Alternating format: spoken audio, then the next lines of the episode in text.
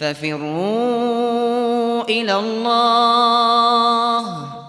إني لكم منه نذير مبين. الحمد لله رب العالمين. الصلاة والسلام على أشرف الأنبياء والمرسلين نبينا محمد وعلى آله وأصحابه ومن تبعهم بإحسان إلى يوم الدين. أما بعد. Para pendengar sekalian dan para pemirsa yang dimuliakan Allah, Alhamdulillah pada malam hari ini kita bertemu dalam acara podcast TV An-Nasihah dengan tajuk Palestina, dukamu adalah duka kita. Dan insya Allah pembahasan kita pada malam hari ini, diskusi dan dialog santai kita akan ditemani oleh Al-Ustadz Zulkarnain Muhammad Sunusi Hafizullah. Beliau adalah pengasuh Pondok Pesantren As-Sunnah Makassar dan Direktur Utama Radio An-Nasiha 88,2 FM. Kemudian yang kedua, kita juga akan ditemani oleh Al-Ustadz Ibnu Yunus Hafizahullah. Beliau adalah Mudir Mahat Al-Isan Kabupaten Goa, Sulawesi Selatan. Dan Insya Allah pada malam hari ini kita akan berbincang tentang Palestina, bagaimana solidaritas kita kepada saudara-saudara kita di Palestina, bahwa duka kita atau duka mereka adalah duka kita. Dan bersama saya di studio ada Al Ustadz Ibnu Yunus Hafizahullah Ta'ala dan Al Ustadz Zulkarnain ada di seberang, ada di Jakarta dan insya Allah live bersama dengan kita pada malam hari ini. Ya, namun sebelumnya insya Allah kita akan mulai pembahasan kita pada malam hari ini, diskusi kita, dialog dialog kita pada malam hari ini dengan menyaksikan uh, pernyataan Bapak Presiden tiga tahun yang lalu, ya tentang sikap Indonesia terhadap uh, agresi militer atau bahkan sebelumnya adalah pemindahan uh, atau uh, pembentukan kedubes Amerika di uh, negara Israel. Ya, kita akan melihat bagaimana dukungan Indonesia sejak dulu sampai sekarang terhadap kemerdekaan rakyat Palestina. Sekarang kita lihat uh, tayangan terkait dengan rencana pemindahan kedutaan besar Amerika Serikat ke Yerusalem. Indonesia mengecam keras keputusan ini. Keputusan pemindahan ini melanggar berbagai resolusi Dewan Keamanan dan Majelis Umum PBB. Oleh karena itu, saya mendesak Dewan Keamanan dan Majelis Umum PBB untuk membahas isu tersebut dan mengambil langkah selanjutnya. Saya juga minta meminta negara lain untuk tidak mengikuti pemindahan kedutaan besarnya ke Yerusalem. Pemindahan ini juga mengganggu proses perdamaian dan bahkan mengancam perdamaian itu sendiri. Ya, demikian tadi eh, penyampaian Bapak Presiden tiga tahun yang lalu ya tentang eh, pemindahan kedubes Amerika di Israel. Ini menunjukkan Indonesia sejak dahulu sudah mendukung eh, perdamaian di negeri Palestina ya eh, agar negara Palestina ini mendapatkan kemerdekaannya. Kemudian di uh, delapan bulan yang lalu juga ada pidato Bapak Presiden berkaitan dengan dukungan beliau, dukungan penuh Indonesia terhadap uh, Palestina ya untuk merdeka. Mungkin bisa kita saksikan Ustaz ya? Ya. Palestina adalah satu-satunya negara yang hadir di konferensi Bandung yang sampai sekarang belum menikmati kemerdekaannya. Indonesia terus konsisten memberikan dukungan bagi Palestina untuk mendapatkan hak-haknya. Itu ada dua pidato Bapak Presiden dan ini menunjukkan uh, dukungan Indonesia secara penuh kepada Palestina. Uh, dan kita lihat ada beberapa Twitter yang bisa kita tampilkan di sini. Ya, ini Twitter pada tanggal 10 Mei 2021 ya disebutkan oleh Bapak Presiden Indonesia mengutuk tindakan tersebut dan mendesak Dewan Keamanan PBB untuk mengambil tindakan atas pelanggaran berulang yang dilakukan oleh Israel. Indonesia akan terus berpihak kepada rakyat Palestina. Kemudian Twitter yang diterbitkan pada tanggal 10 Mei 2021, Bapak Presiden menuliskan uh, pernyataan beliau pengusiran paksa warga Palestina dari Sheikh Jarrah, Yerusalem Timur, dan penggunaan kekerasan terhadap warga sipil Palestina di Masjidil Aqsa tidak boleh diabaikan. Nah, kemudian ini Twitter yang terakhir pada tanggal 15 Mei 2021 ya, Indonesia mengutuk keras serangan Israel yang menelan korban ratusan jiwa termasuk perempuan dan anak-anak. Agresi Israel harus dihentikan. Ini wah ini masih ada yang tanggal berapa? Ini tanggal 16 ya. Ini yang berarti ini yang terakhir tanggal 16.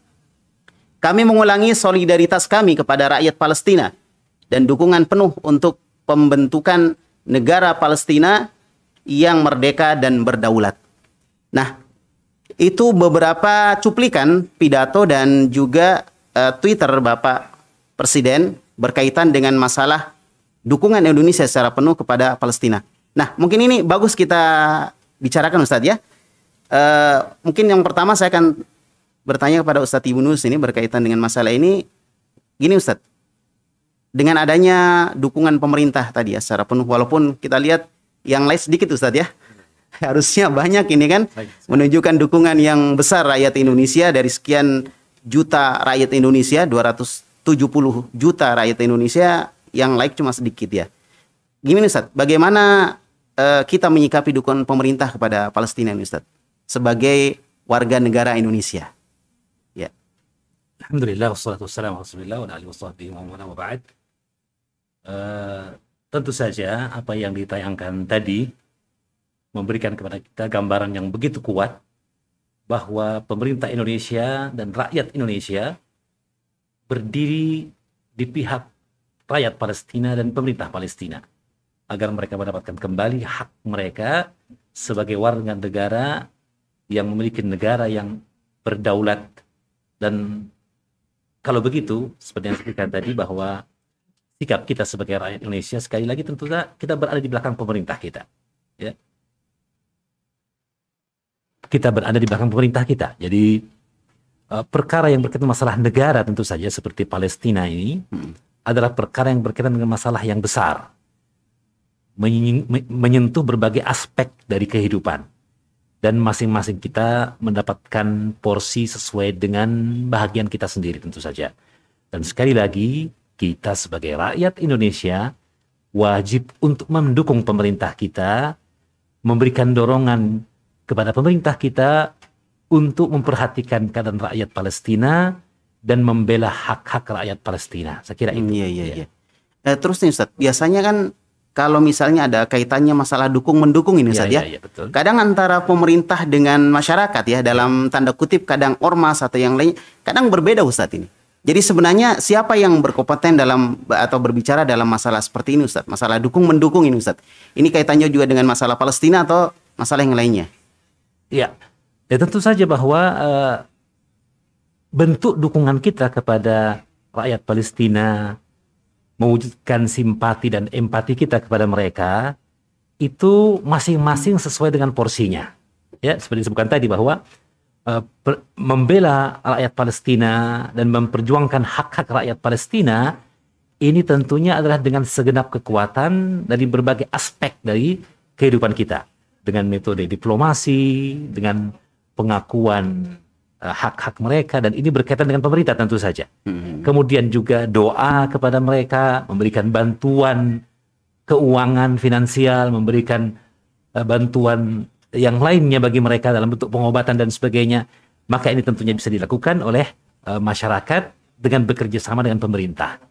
Maka sekali lagi tidak selayaknya kemudian rakyat atau masyarakat berbenturan dengan pemerintah dalam masalah dukung mendukung seperti ini. Oh, jadi ini keliru ya, ya? Ya, sebagian negara kita dapatkan mm -hmm. misalnya ada pemerintah yang mungkin mewujud uh, bersikap bersama uh, ataulah mengakui negara Israel mm -hmm. dan sebagainya. Ya, sementara masyarakatnya khususnya kaum muslimin tentu saja mewujudkan atau menunjukkan simpati mereka, dukungan mereka kepada rakyat Palestina. Ya maka kemudian terjadilah demonstrasi bahkan kemudian terjadi tekanan kepada pemerintah setempat yang ini justru melemahkan. Yang ini justru melemahkan ya. Bahwa membebaskan Palestina dari tangan Yahudi ini perkara yang besar tentu saja. Dan itu tanggung jawab yang ada pada kita seluruh kaum muslimin. Membebaskan Palestina adalah hukumnya fardu kifayah tentu saja.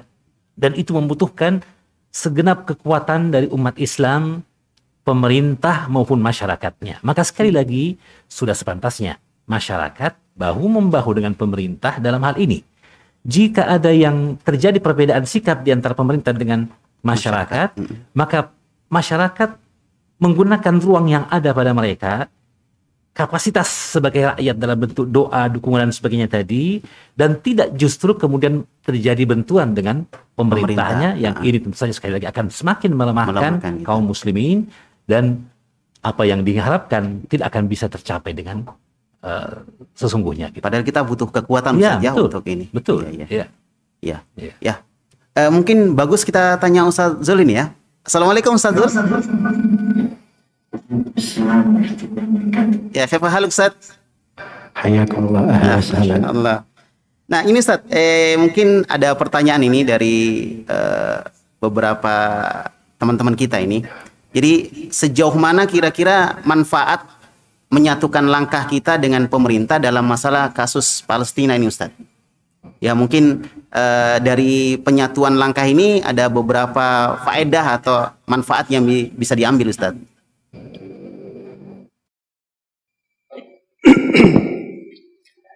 bismillahirrahmanirrahim. Alhamdulillahi rabbil alamin. Wassalatu wassalamu ala al-mabawthi rahmatan lil alamin. Nabiina Muhammad wa ala alihi wa sahbihi wa man tabi'akum bi ihsanin ila yaumiddin amma ba'd. Kita ada panduan pegangan dan pijakan dalam hal yang seperti ini termaktub di dalam Al-Qur'anul Karim di surah An-Nisa. Allah Subhanahu wa taala berfirman, وإذا جاءهم أمر من الأمن أو الخوف أداؤوا به ولو ردوه إلى الرسول وإلى أولي الأمر منهم لعلمه الذين يستنبطونه منهم Apabila datang kepada mereka sebuah perkara yang mengandung keamanan atau ketakutan. Ini kan masalah-masalah yang berkaitan dengan manusia secara global itu mungkin membawa keamanan mungkin bisa membawa ketakutan. Ya, kalau ada masalah yang seperti itu, dikemanakan? Nah, ini pernah terjadi kasus ya di masa Nabi Shallallahu Alaihi Wasallam tersiar berita bahwa Nabi katanya menceraikan istri-istrinya. Itu kan masalah besar karena istri-istri Nabi itu adalah ibu-ibu kaum mukminin. Akhirnya jadi masalah besar sekali. Sampai ada sebagian orang yang datang kepada Umar ibn Khattab mengetuk pintu rumah Umar dengan kencang sekali. Sampai Umar menyangka ada musuh yang datang menyerang. Maka akhir dari kisah itu ternyata ayat ini turun teguran terhadap para sahabat. Ketika terjadi masalah itu, mereka langsung menyiarkan di dalam ayat diterangkan apa kewajiban syar'i di dalam hal itu. Walau radduhu ila rasuli wa ila ulil amri minhum. Andai kata mereka kembalikan perkara itu kepada ar-rasul dan kepada ulil amr di antara mereka. Ini di masa hidup Nabi ya, kepada Rasul. Di masa Nabi telah meninggal, itu dikembalikan kepada sunnahnya Ulil amri itu adalah pemerintah. Asalnya ulil amri itu adalah yang memegang perkara, yang memegang wenang. Pemerintah-pemerintah di masa dahulu, Khulafa ar-Rashidin, mereka pemimpin di dalam dunia dan pemimpin di dalam agama. Dan berjalan arah pemerintahan dan selalu bersinergi di situ antara pemerintah dan ulama. Orang-orang yang berilmu. Maka asal di dalam hal tersebut itu dikembalikan kepada pemerintah dan ahlul ilm. orang-orang yang bisa menimbang perkara, bisa mendudukkan perkara pada tempatnya, bisa memberikan setiap perkara itu pada porsi yang paling pasnya, menyikapi sesuatu sesuai dengan timbangan syariat dan konsekuensi dari hikmah dan akal sehat. Itu tugasnya pemerintah, tugasnya orang-orang yang berilmu. Karena kadang di dalam sebuah masalah itu ada hal-hal yang tidak kelihatan pada orang-orang awam, orang-orang umum. Orang-orang umum kadang cuma melihat sebuah masalah di luarnya saja. Tapi dia tidak tahu hakikat masalah itu apa. Makanya pada hal-hal yang seperti itu, itu memang yang mewenang berbicara adalah pemerintah. Itu wewenang mereka. Itu yang didengar. Dan itu yang menjadi rujukan ketika ada kasus-kasus yang seperti ini. Itu kewajiban secara syar'i yang pertama. Kemudian yang kedua, itu adalah konsekuensi dari kaidah di dalam pembahasan tata negara dan politik syar'i bahwa pada setiap perkara yang menyangkut manusia secara umum atau menyangkut banyak dari kaum muslimin yang terkait hubungan antara sebuah negara dengan negara terkait dengan masalah jihad dan yang semisal dengannya itu adalah urusan pemerintah wewenang dari ulil amr Nah boleh ada yang masuk di dalam hal itu kalau dia bukan berada di posisi tersebut. Karena itu Nabi Shallallahu Alaihi Wasallam mengingatkan dari tanda hari kiamat, tidak wusidal amru ila gairi ahlihi. Apabila perkara itu diserahkan kepada selain ahlinya, selain orang yang berwenang di dalam perkara tersebut. Iya. Maka di sini memang Ketika terjadi hal-hal yang seperti ini, timbangan keselamatan adalah dan ini kaidah syariat di dalam kondisi-kondisi yang seperti ini itu dikembalikan kepada ulil amr. Mereka yang menilai di dalam hal tersebut. Tapi memang subhanallah ya dukungan dari pemerintah terhadap saudara-saudara kita di Palestina semoga Allah Subhanahu wa taala selalu mengasihi mereka merahmati mereka dan selalu menjaga mereka dari segala kejelekan, melindungi mereka dari segala bahaya, dan mengusir musuh mereka serta membinasakan orang-orang yang merampas dan menindas mereka.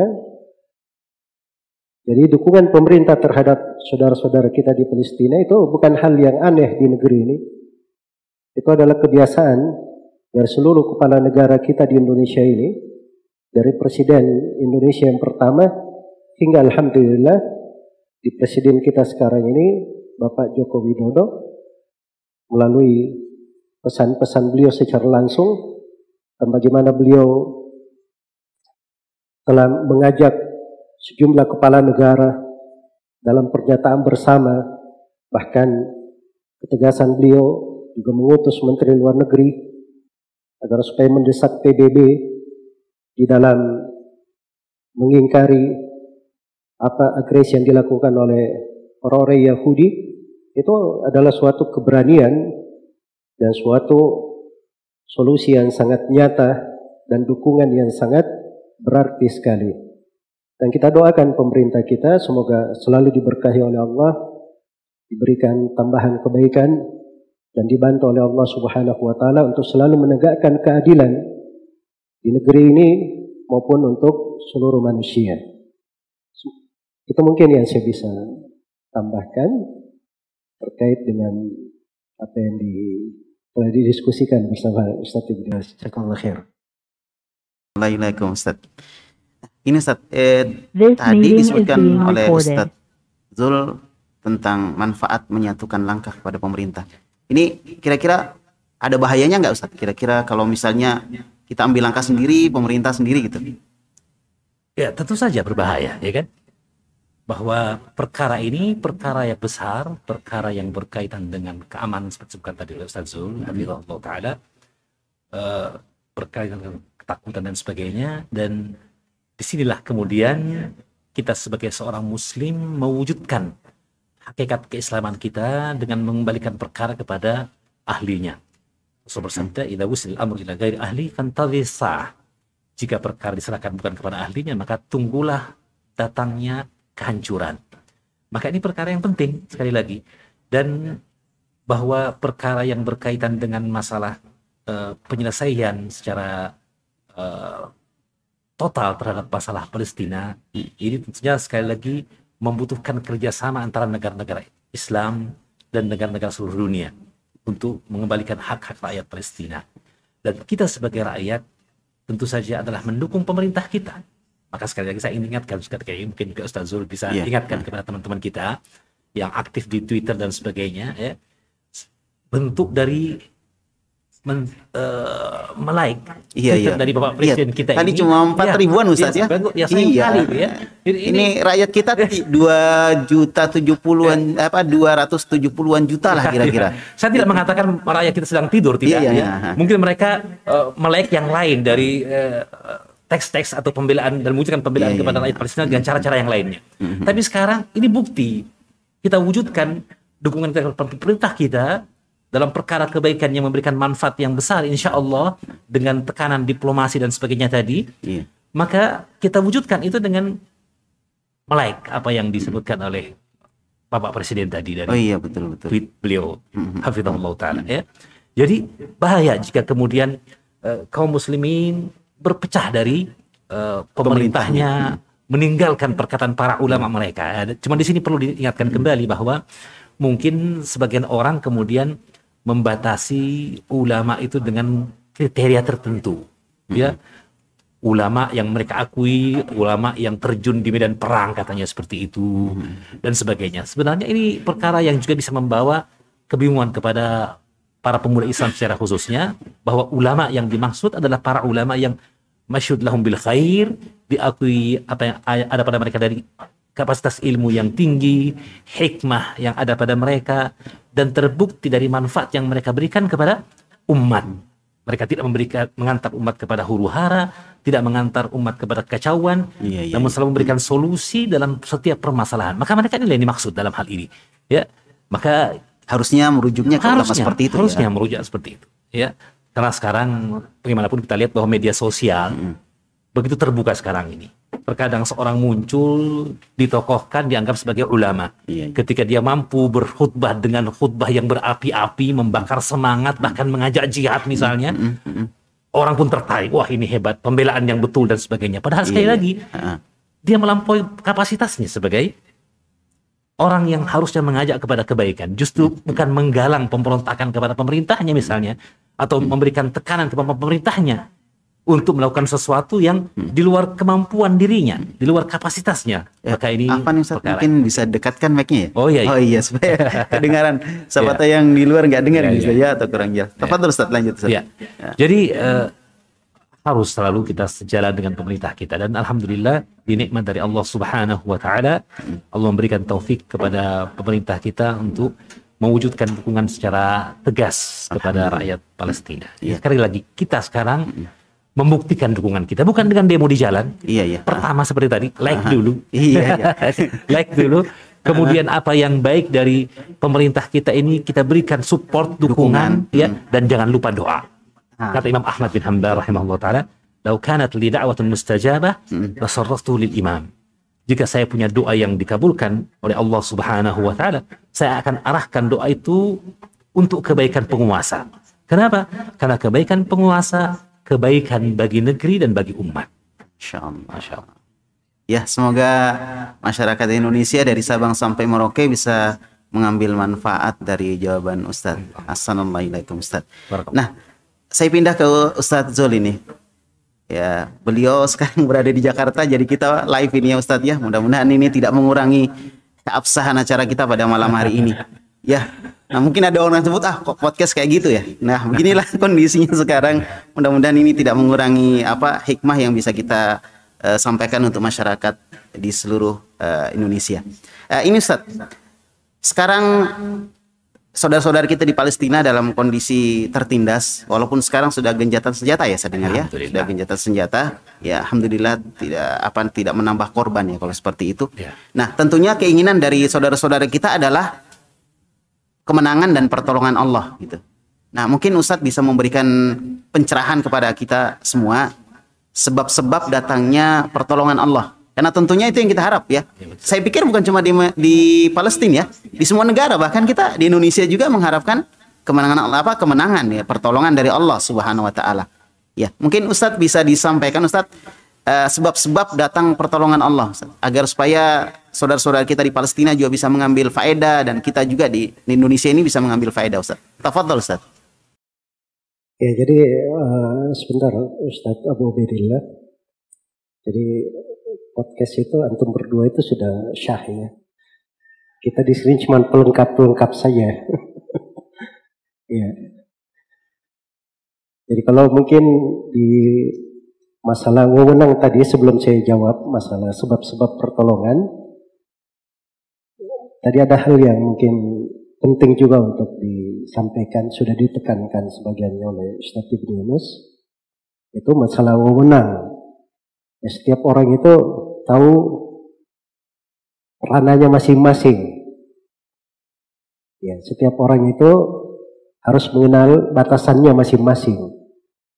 Kita ini setinggi apa pun kita, seluas apa pun ilmu kita, sebanyak apa pun harta kita, tetap kita ada batasan.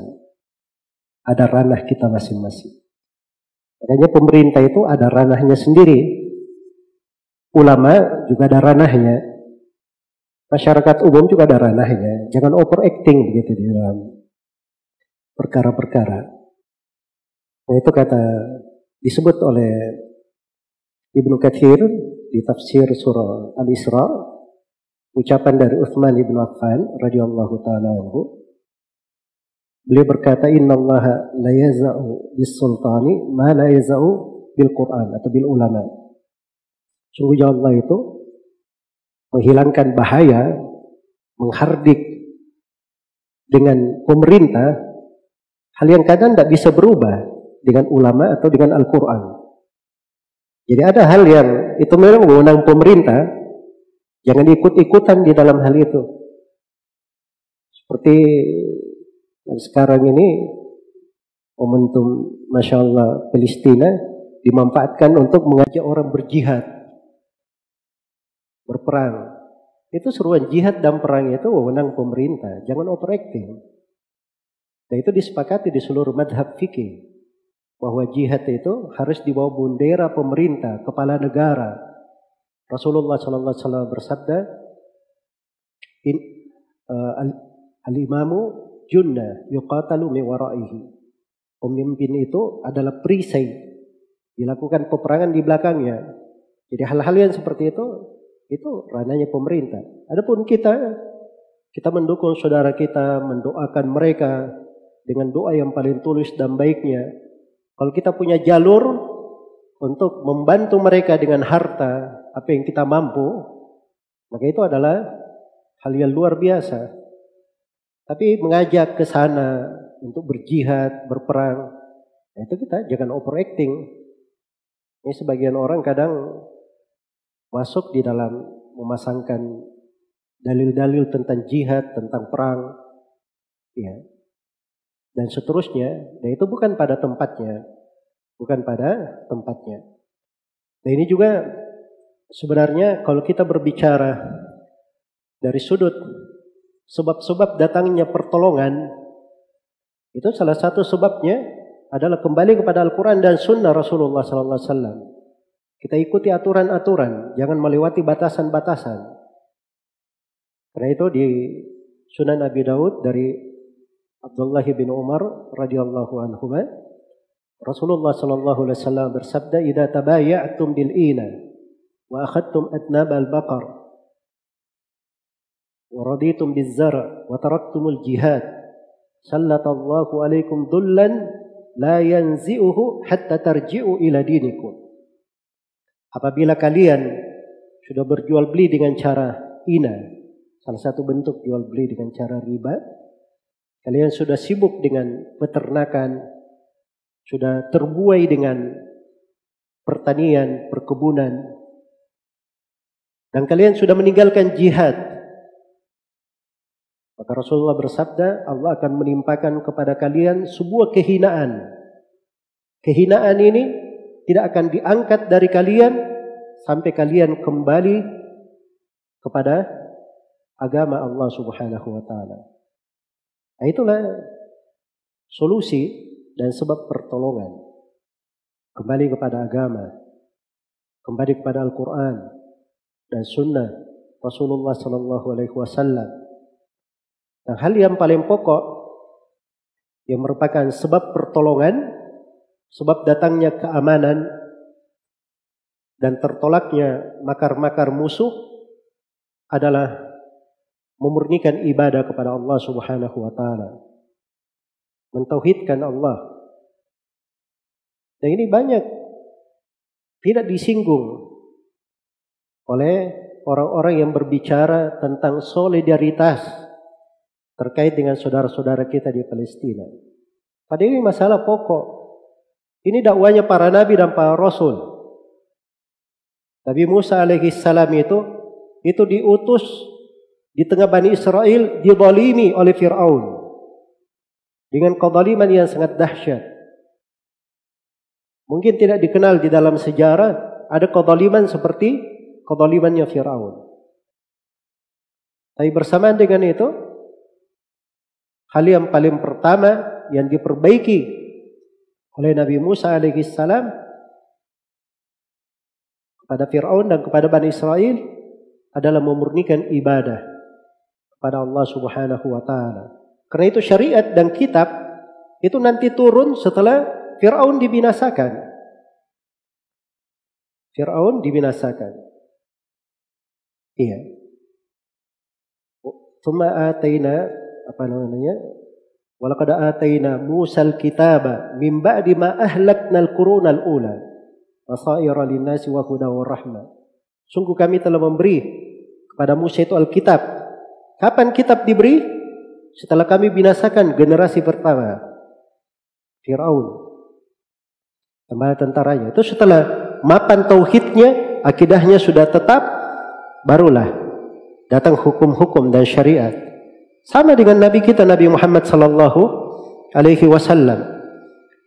Bagaimana beliau dan para sahabatnya ditindas di fase Mekah. Tapi tidak ada perlawanan dengan pedang. Tidak ada perlawanan dengan fisik. 13 tahun pokok dakwah beliau adalah kepada tauhid. Dan itu terus berlanjut pada dakwah Nabi kita, Nabi Muhammad hingga akhir umurnya. Hingga beliau wafat. Hanya saja di fase Medina mulai turun hukum-hukum Mulai turun hukum-hukum. Dan syariat jihad sendiri itu nanti disyariatkan setelah Nabi berada di Medina karena baru punya kekuatan. Baru memiliki kekuatan. Iya. Karena itulah tauhid itu adalah pokok kejayaan. Sebab kemapanan adalah sumber datangnya pertolongan. Allah Subhanahu wa taala telah berfirman wa'adallahu alladhina amanu wa amilus salihati minkum la yastakhlifannahum fil ard wa la yumakkinanna lahum dinahum alladhi irtada lahum wa la yubaddilannahum min ba'di khawfihim amna ya'budunani la yushrikuna bi syai'a Allah telah menjanjikan kepada orang yang beriman dan beramal salih di antara kalian. Sebut tiga syarat di sini. Keimanan, akidah yang benar, amalan yang salih di antara kalian ini kepada sahabat harus mengikuti jalannya para sahabat. Kalau terpenuhi tiga ini, maka kami akan jadikan kalian sebagai pemimpin di atas muka bumi. Dan kami akan mapankan kalian di atas bumi. Kami akan ganti rasa takut kalian dengan keamanan. Ya Ya'budunani la yusyrikuna bi syai'a. Ini pokoknya mereka beribadah hanya kepadaku tidak pernah berbuat kesyirikan. Makanya tali yang paling kuat, pegangan yang paling kuat untuk negara mana pun, untuk negeri mana pun untuk bangsa dan rakyat mana pun itu adalah berpegang dengan tauhid. Faman yakfur bit-taghuti wa yu'min billah faqad istamsaka bil urwatil uthqa lam fisama Barang siapa yang beriman kepada Allah, barang siapa yang kafir kepada tagut dan beriman kepada Allah, itu makna la ilaha illallah. Maka dia telah berpegang dengan tali yang sangat kuat. Tali yang sangat kuat ini itulah la ilaha illallah dalam penafsiran Ibnu Jubair dan selainnya. Tidak pernah tidak bisa terputus. Tidak akan terputus. Dan itulah sebab keamanan. Alladzina amanu wa lam yalbisu imanahum bidzulmin ulaika lahumul amnu wa hum muhtadun. Orang-orang yang beriman dan tidak menodai keimanannya dengan kesyirikan mereka inilah orang-orang yang mendapat keamanan dan selalu mendapat hidayah. Iya. Jadi ini penting untuk kita bahas sebenarnya. Kalau berharap ingin datang pertolongan Masya Allah. Padahal kelakuannya membuat Allah murka. Satu bentuk kesyirikan saja kadang langit itu hampir saja meleleh. Bumi hampir terbelah, gunung hampir runtuh. Karena terjadinya kejadi, terjadinya kesyirikan-kesyirikan. Iya. Maka ini perlu diketahui. Kalau para sahabat saja mereka di uh, perang Uhud karena sebuah maksiat. Ini dosa ya, bukan kesyirikan, dosa. Dengan satu dosa ini menyelisih perintah Nabi sallallahu alaihi wasallam, mereka ditimpakan kekalahan di perang Uhud itu. Bagaimana pula dengan suatu umat yang melakukan hal yang lebih besar daripada dosa berupa kesyirikan. Demikian pula kalau dia berbuat bid'ah-bid'ah, kesesatan-kesesatan, karena itu lebih besar daripada dosa besar. Ini kira-kira bagaimana caranya berpikir untuk mendapatkan keamanan.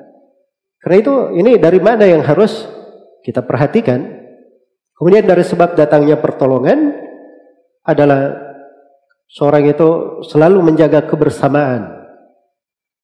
Selalu menjaga kebersamaan. Kalau dia berada di dalam sebuah negeri, ada pemimpinnya, dia selalu bersama pemimpinnya.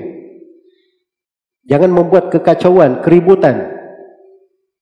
Itu sebab kebersamaan. Qul Allah wa rasulahu wa la tanaza'u fatafshalu wa tadhhab rihukum. Taatlah kalian kepada Allah dan taatlah kepada Rasulnya dan jangan kalian berselisih sebab itu akan melemahkan kalian dan menghilangkan kekuatan kalian. Menghilangkan kekuatan kalian. Karena itu kekuatan umat Islam ini datang di atas kebersamaan. Wa atasimu bihablillahi jami'an wa la. Berpegang teguhlah kalian semua dengan tali Allah dan jangan kalian bercerai-berai. Dan jangan kalian bercerai-berai.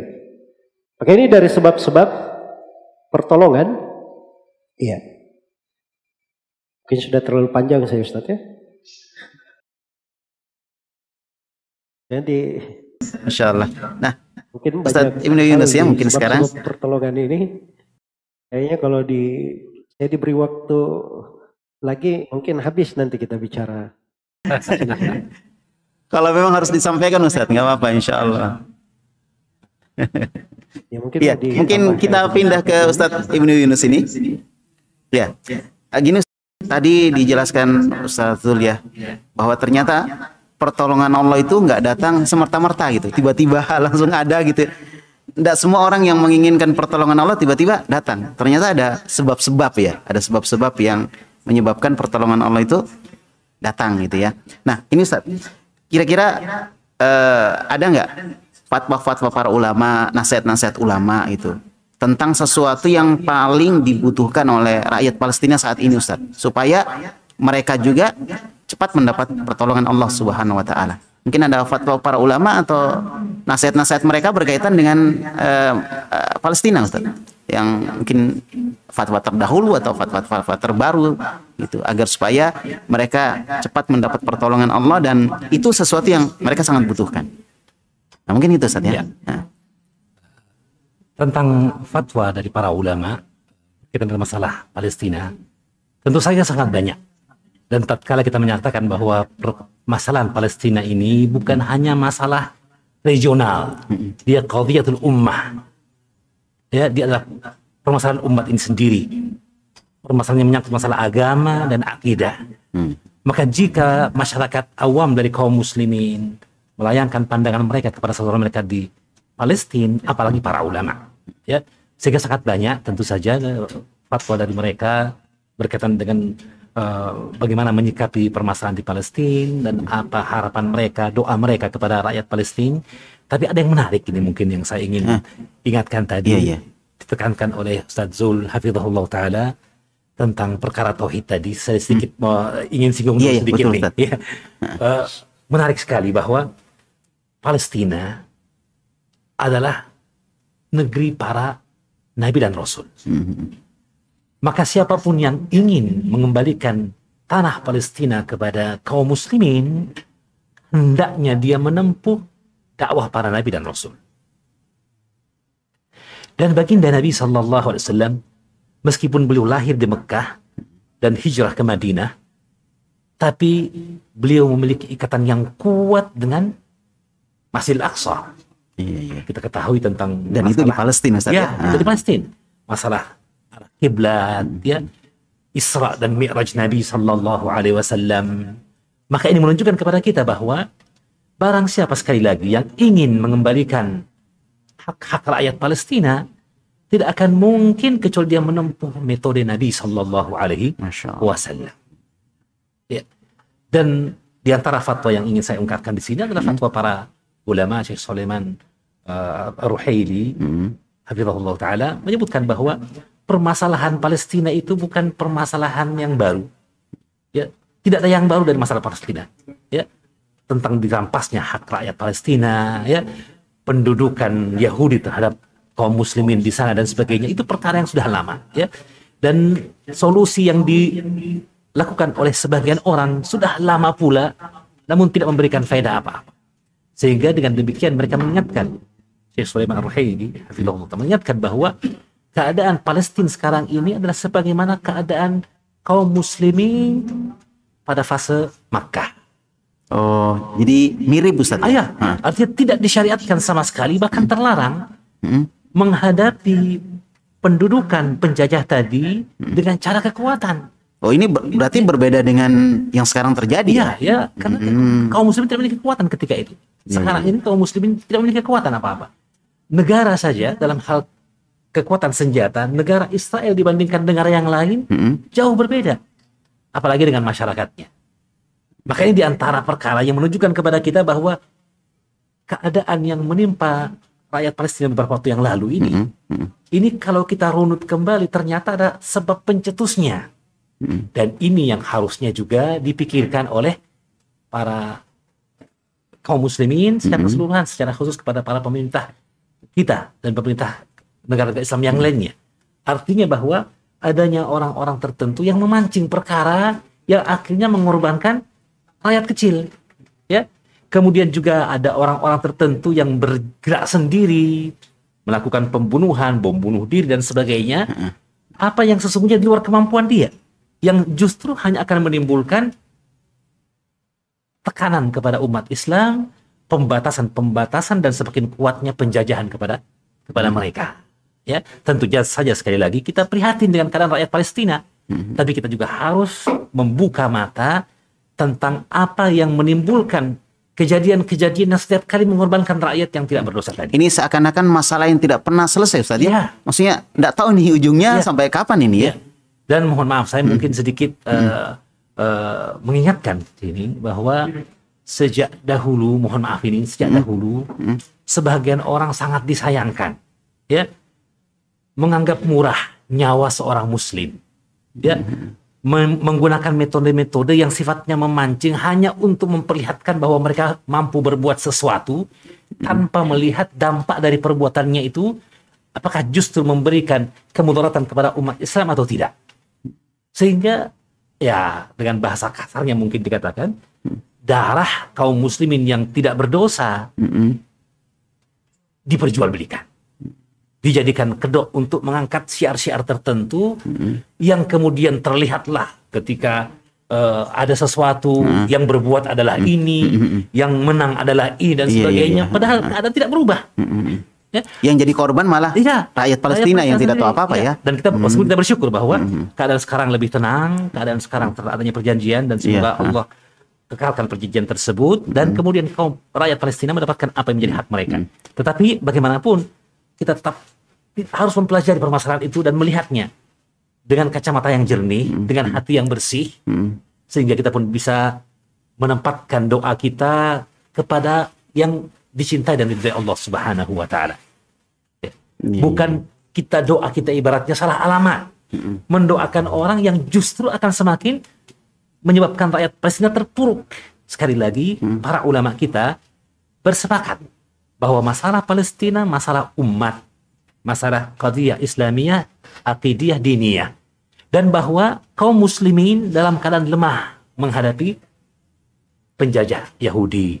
Sehingga dengan demikian sekali lagi muwajahah menghadapi mereka dengan peperangan, apalagi boro-boro kemudian mengajak untuk berjihad, hijrah ke sana untuk berperang dan sebagainya. Sekali lagi ini kita tidak mengikuti petunjuk Nabi Sallallahu Alaihi Wasallam dalam meraih datangnya pertolongan dari Allah Subhanahu Wa Taala dan kemuliaan di dunia sebelum kemuliaan di akhirat. Ya, tidak mencontoh metode para nabi yang bukan tadi bahwa Palestina sendiri adalah negerinya para nabi. Jadi itu sebenarnya yang paling dibutuhkan rakyat Palestina sekarang. Bagaimana mereka bisa menang dengan metode para nabi yang Ya, tentu itu sudah jalan sebelumnya, ya. Ya. Nah, Bukan berarti kita meniadakan eh, ruang-ruang diplomasi. Sekali lagi itu hak itu adalah tugas dari pemerintah kita, tugas dari negeri-negeri Islam yang lainnya, dan kita sebagai rakyat berada di bela- di belakang pemerintah, memberikan dukungan, support, mendoakan bagi para pemimpin pemimpin kita untuk bisa kemudian Allah mudahkan kebaikan bagi rakyat Palestina melalui tangan-tangan mereka. Allahumma amin. Ya. Amin, amin Ustaz. Ya, eh, saya pindah lagi ke Ustaz Dzulkarnain. Gimana Ustaz? Masih kuat Ustaz ya? Masya Allah. Ya, Eh, gini Ustaz, eh, kaitannya dengan masalah apa ya kejadian di Palestina ini. Mungkin Ustadz punya eh, apa pencerahan untuk kita sekalian tentang pelajaran apa kira-kira bisa kita ambil Ustadz? Dari kejadian di Palestina yang kemudian kasus yang tidak pernah selesai gitu. Dan kemudian banyak orang yang bermain ya. Jadi ada yang sebenarnya ada ada orang yang menampakkan kebaikan padahal hatinya nggak bagus. Ada orang yang memang bagus menampakkan juga kebaikan. Jadi orang terbagi-bagi. Jadi eh, isu Palestina itu paling enak dijual itu Ustaz. Ya, jadi kadang dimanfaatkan oleh orang yang tidak bertanggung jawab gitu ya. Jadi mungkin ke Ustaz Zul tadi, eh Ustaz kira-kira pelajaran apa yang bisa kita ambil Ustaz dari kejadian di Palestina? Ya paling tidak kita bisa mengambil pelajaran supaya di negeri kita nggak terjadi yang seperti itu. Ya mungkin demikian Ustaz ya. Baik itu menarik sekali ya untuk kita bahas, masya Allah. Jadi kejadian-kejadian yang menimpa saudara-saudara kami di Bistlin ini kan bukan terjadi di akhir Ramadan ini saja. Beberapa Ramadan sebelumnya pernah terjadi, beberapa tahun sebelumnya terjadi, bahkan dari tahun eh, berapa? 1940-an hingga ke tahun ini itu sudah belasan kejadian-kejadian berdarah yang menyebabkan melayangnya banyak dari ruh saudara-saudara kita di sana nyawa dari saudara-saudara kita tertumpahnya darah terinjaknya kehormatan terluluh lantakannya harta dan berbagai kemaslahatan mereka. Jadi itu hal yang sudah terjadi dari semenjak dahulu. Dan sikap kita terhadap saudara-saudara kita tetap sama adalah mendoakan mereka, mendukung mereka dan kita berusaha dengan hal yang paling maksimal yang bisa kita lakukan untuk mereka. Cuman memang seperti yang diuraikan tadi dan itu menarik sekali untuk dikaji sebenarnya. Karena itu banyak orang-orang yang tidak sadar juga bahwa ketika ada kejadian-kejadian seperti ini di saudara-saudara kita di Palestina, itu sebagian orang dijadikan sebagai proyek. Malah ada sebagian orang dia gembira malah kalau ada kejadian seperti ini. Ini kesempatan kita bereaksi. Kesempatan kita bereaksi. Ya karena itu dari orang-orang pergerakan itu kelihatan sekali hal-hal yang sangat merusak sekali dan membahayakan. Khususnya dari kelompok Ikhwanul Muslimin, Hizbut Tahrir, nah ini menjadi lahan empuk sekali di fase-fase yang seperti ini. Nanti mereka akan serukan nanti. Wah ini memang situasi ini menimpa umat Islam karena hilangnya khilafah Islamiyah. Nah, itu kesempatan lagi. Nah, situasi yang seperti ini ini menunjukkan ketidakbejusan para pemerintah. Walaupun sekarang ini banyak yang diam ya di di sekarang di Indonesia ini karena Pak Presiden Masya Allah tegas sekali ya sehingga membungkam banyak orang yang biasanya beroceh seperti itu. Ini adalah kesempatan untuk kita berjihad. Nah, dan untuk orang-orang yang berpemikiran radikal, itu kesempatan untuk menarik orang-orang ke arah pemikirannya dari isu-isu Palestina. Karena itu tabiat ya seorang muslim terhadap saudaranya yang lain ketika terjadi musibah dia pasti berempati, bersimpati. Itu pasti. Iya. Dan itu kewajiban kita memang secara syar'i. Kewajiban kita secara syar'i di dalam hal tersebut. Al-muslimu akhul muslim. Seorang muslim saudara bagi muslim yang lainnya. La yadlimuhu wa la yakhduluhu wa la yuslimuhu. Tidak boleh dia mendolimi saudaranya. Tidak boleh dia menelantarkan saudaranya dan tidak boleh dia serahkan saudaranya ke musuhnya. Itu memang sudah prinsip kita, kewajiban kita sebagai seorang muslim. Tapi ini ditunggangi oleh sebagian orang. Tunggangi untuk sebagian orang sehingga dia bisa menarik sebagian anak-anak muda masuk ke dalam ranah-ranah pemikiran radikalisme dengan dengan judul solidaritas untuk kaum muslimin di Palestina, nanti solidaritas untuk seluruh kaum muslimin yang tertindas, nanti seruan jihad dan sebagainya. Maka ini perlu diwaspadai. Iya. Karena itulah dari uh, pelajaran yang pokok yang kita petik di kejadian-kejadian yang seperti ini, yang pertama kita mengambil kehati-hatian. Itu prinsip Al-Quran, kaidah Al-Quran. Allah berfirman, Ya ayuhalladzina amanu khudu hidrakum. Wahai orang-orang yang beriman, ambillah kehati-hatian kalian. Iya. Terus memahami makna itu. Kemudian yang kedua, dari pelajaran yang penting kita perhatikan di sini adalah pentingnya kaum muslimin itu dijaga kesatuan hatinya. Kebersamaan mereka di atas Al-Quran dan Sunnah dan kebersamaan mereka di bawah kepemimpinan seorang pemimpin muslim. Iya. Ya kalau dia berpegang di Al-Quran dan Sunnah, ini penyelamatnya dari segala syubhat, segala hal yang membahayakan di pemikiran. Dan kalau dia selalu bersama pemerintahnya, Indonesia ini dipimpin oleh kepala negara, itu artinya kita berjamaah di dalam sebuah kebersamaan. Kita tidak boleh keluar dari kebersamaan itu. Nah, kejadian-kejadian seperti ini harusnya mengingatkan kita akan pentingnya menyatukan hati-hati bersama pemerintah kita. Saya tidak berkata bahwa pemerintah itu sempurna, tidak ada kekurangannya. Dan tidak ada pemerintahan yang seperti itu, tidak ada kekurangannya. Ya semuanya pasti ada kekurangan, ada kesalahan. Tetapi harus kita pahami bahwa agama Islam ini datang untuk menyatukan, bukan untuk memecah belah. Agama ini datang adalah untuk kita saling menasihati pada kekurangan yang terjadi bukan membuat ronrongan dan bukan membuat kekacauan di tengah manusia terhadap pemerintahnya. Iya. Dan di sini juga mungkin perlu dipahami tentang pentingnya memahami fikih secara benar. Agar supaya seorang itu jangan overacting sana sini. Ini karena di kejadian-kejadian di Palestina itu, itu ada orang-orang yang overacting. Iya. Jadi mereka pikir ini kejadian untuk membalas orang-orang Yahudi, dia masuk meledakkan dirinya. Misalnya, mati dari Yahudi 3, 10. Tapi Yahudinya balas dengan ratusan pesawat yang membombardir mereka. Sudah pernah berlalu beberapa tahun sebelumnya, meninggal lebih dari seribu orang dari saudara-saudara kita di Palestina. Itu akal sehat mana yang menunjukkan bahwa itu adalah suatu perlawanan. Dan sekarang ini sebagian orang ingin menje menjebak manusia. Dia gabungkan antara uh, apa namanya kegembiraan, kemudian ingin menjebak manusia kepada pemikiran mereka. Tentunya kita bergembira. Alhamdulillah, segala puji hanya untuk Allah. Saudara-saudara kita sudah aman, terjadi gencatan senjata, tidak ada lagi yang menindas mereka. Kita bergembira akan hal tersebut.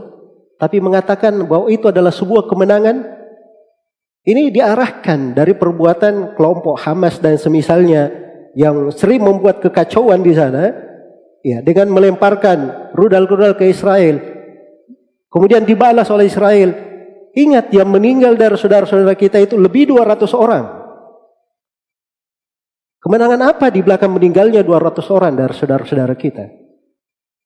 Ini kadang sebagian orang menganggap enteng darah seorang muslim.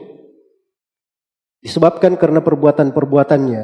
Dan ini bukan fikih di dalam agama. Jihad di dalam agama itu adalah jihad yang menyebabkan musuh itu kalah. Dan menyebabkan kejayaan untuk umat Islam. Karena itu jihad apa saja yang menyebabkan kerugian besar untuk umat Islam itu adalah jihad yang tidak disyariatkan. Dan itu tidak ada silam pendapat di tengah para ulama. Karena itu di Mekah, umat Islam dilarang berjihad dengan tangan. Bahkan dilarang, bahkan ayat melarangnya. Alam tara ilal ladina qila lahum kuffu aydiyakum.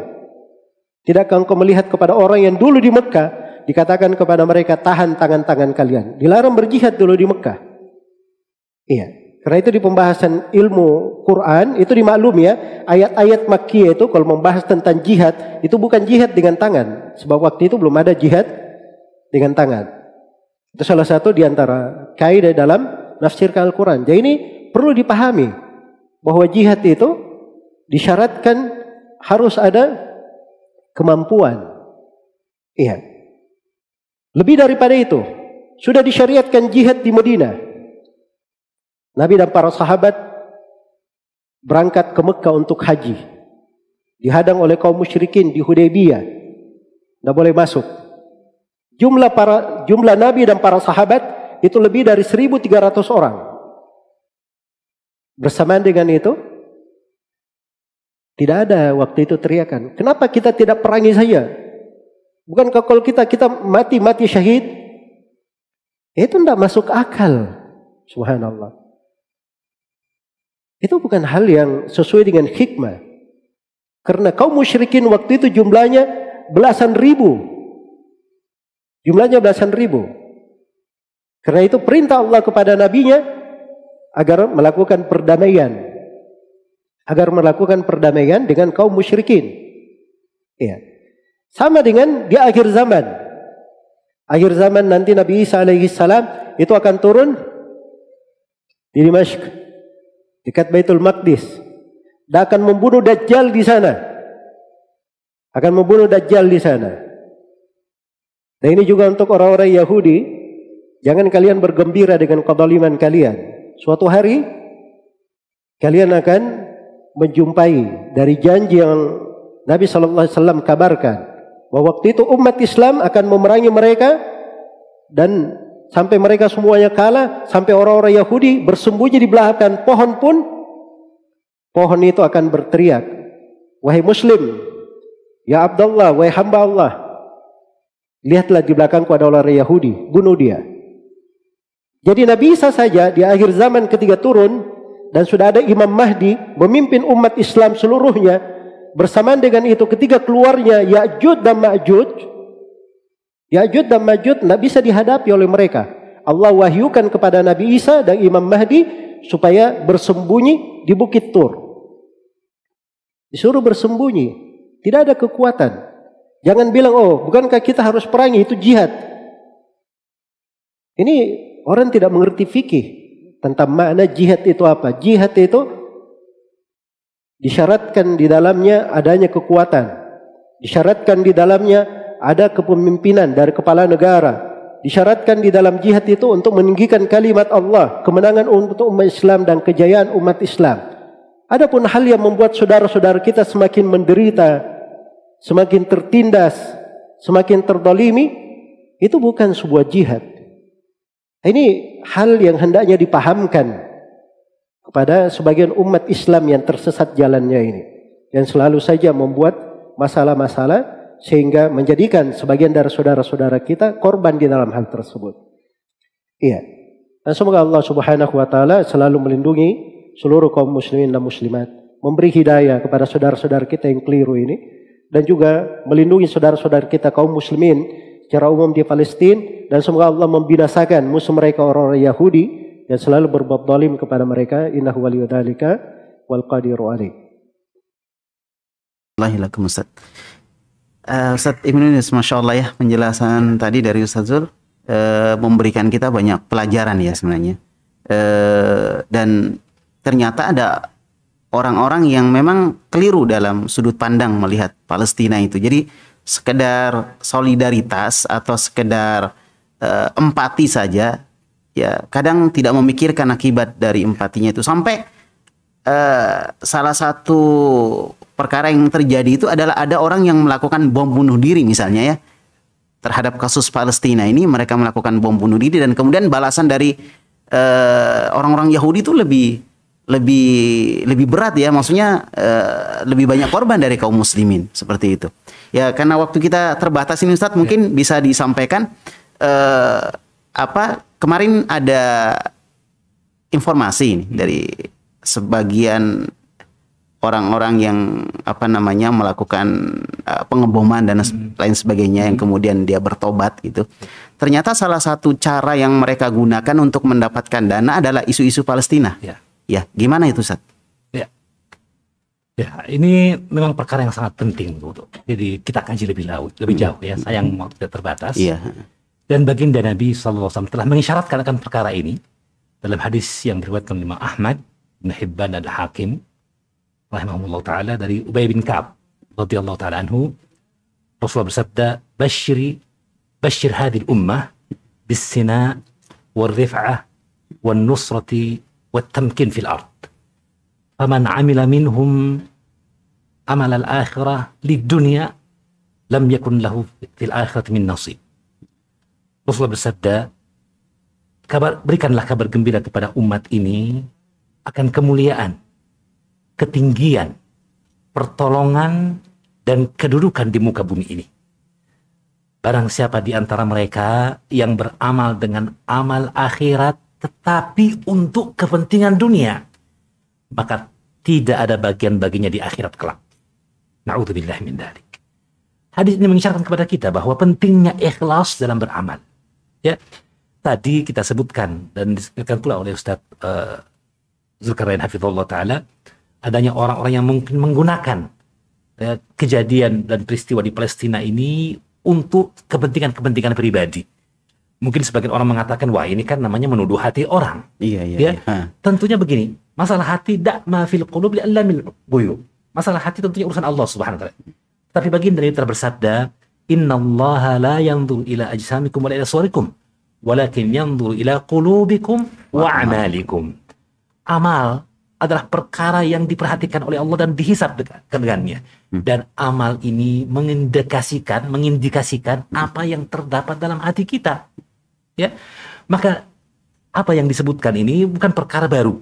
Ya. Saya ingat ada seorang tokoh dari Ikhwanul Muslimin Ali Al Ashmawi iya iya dia mengarang sebuah buku yang berisi tentang peristiwa-peristiwa yang dia lewati dalam masa hidupnya. Dia hmm. adalah tokoh terakhir pemimpin terakhir dari pasukan khusus dari Ikhwanul Muslimin.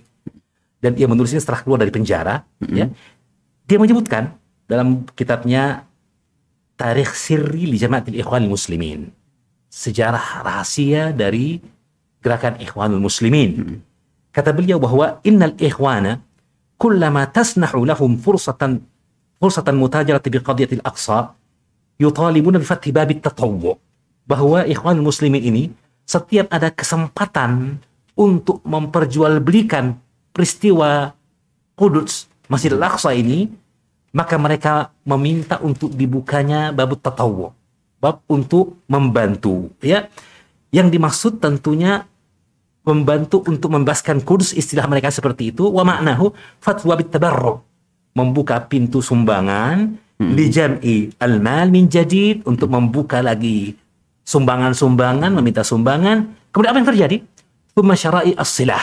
Membeli senjata. Kemudian menyimpan senjata itu untuk kepentingan mereka artinya apa Itu yang kisah langsung dari dia. kisah langsung Ah. dari tokoh ini, Iya, pemimpin iya. terakhir ini. Jadi dia pelaku Iya, pelaku sejarahnya ya. pelaku sejarahnya. Ah. Kalau kita mengatakan ini kan boleh jadi sudah melewati screening, Iya, sudah iya, di iya. penjara, Iya, iya, akhirnya betul, mungkin betul. mengarang-arang. Aha. Ada lagi dari tokoh Ikhwan Muslimin sendiri, Mahmud Abdul Halim. Ya, dalam kitabnya yang dia menulis secara lugas, ya, menjelaskan bagaimana masalah Palestina itu dimanfaatkan sejak dahulu oleh gerakan Ikhwanul Muslimin untuk mengumpulkan harta tadi. Oh ternyata dari dulu Ustaz. ya? Dari dulu. Oh dari dulu ya. Dan mereka menggunakan itu tujuannya untuk apa? Untuk mengajak para pemuda terlibat dengan mereka. Simpati dengan gerakan mereka. Dana itu sendiri, ini pengakuan dari beliau sendiri. Iya iya. Tidak kami antar ke Palestina. Mm-mm. Kenapa? Kata mereka, kata dia, orang-orang Palestina sudah punya pedagang-pedagang besar yang dari Palestina sendiri Iya, iya, iya. yang membantu gerakan-gerakan perlawanan di sana. Adapun kita kita butuh dana untuk pergerakan kita. Apalagi ikhwan muslim kita itu masih di awal pem- pembentukannya, awal, awal pe- perkembangannya. Itu pengakuan beliau sendiri ya dalam kitabnya yang dia menulis tentang eh, perkara tersebut ya, pengakuan langsung dari dia ya. Jadi ini menunjukkan kepada kita ya jadi dalam kitab Al-Ikhwanul Muslimun Ahdathun Sana'at At-Tarikha. Jadi ikhwan muslimin adalah ahdath peristiwa-peristiwa men- yang menciptakan sejarah gitu ya. Ru'ya minad dakhil ini adalah pandangan tentang ikhwan muslimin dari orang la- da- dalam sendiri gitu ya. Itu ada di halaman 174 Oh. dalam apa yang saya li- kutip dari pernyataan agak panjang sebenarnya.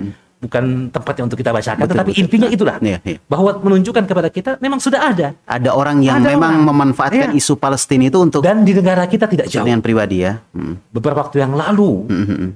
Densus 88 menangkapi orang-orang yang berlatih di Aceh dan sebagainya dengan alasan untuk membela rakyat Palestina. Dana dikumpul atas dasar perjuangan rakyat Palestina, Palestina. padahal untuk menggerogoti negara. Ini bukti otentik tentang hal itu, ya. Dan saya kira itu perkara yang memang banyak terdapat dalam penggalangan dana mana pun jika seorang tidak diberikan amanah dalam hatinya dan keikhlasan. Ya. Dan ini yang paling penting. Poin dari hadis Abu Ayyub al uh, Ubay bin Ka'ab radhiyallahu taala tadi adalah bahwa pentingnya ikhlas. Nabi mengingatkan bahwa berikan kabar gembira kepada umat ini akan kemuliaan, akan ketinggian dalam agama, akan pertolongan Allah bagi mereka dan kekuatan dalam kekuatan dalam uh, di permukaan bumi ini. Tapi diingatkan, barang siapa yang di antara mereka beramal amal akhirat dengan kepentingan dunia, A'udzubillahi min dzalik. Dan ikhlas dalam amalnya, maka di akhirat tidak ada bagian baginya dari pahala sedikit pun. Ini mengisyaratkan kaitan bahwa kemuliaan tadi, ketinggian tadi, kedudukan di muka bumi ini diraih dengan keikhlasan. Ya. Dan seperti yang disebutkan tadi oleh Ustadz Zul, Hafizahullah Ta'ala, bagaimana dalam perang Hunain. Jadi ini bukan masalah jumlah banyak atau sedikitnya. Ketika perang Hunain, kaum muslimin jumlah yang banyak. Ah, betul betul. Sampai-sampai sebagian di antara mereka menyangka. Dan nukla beliau. Hmm.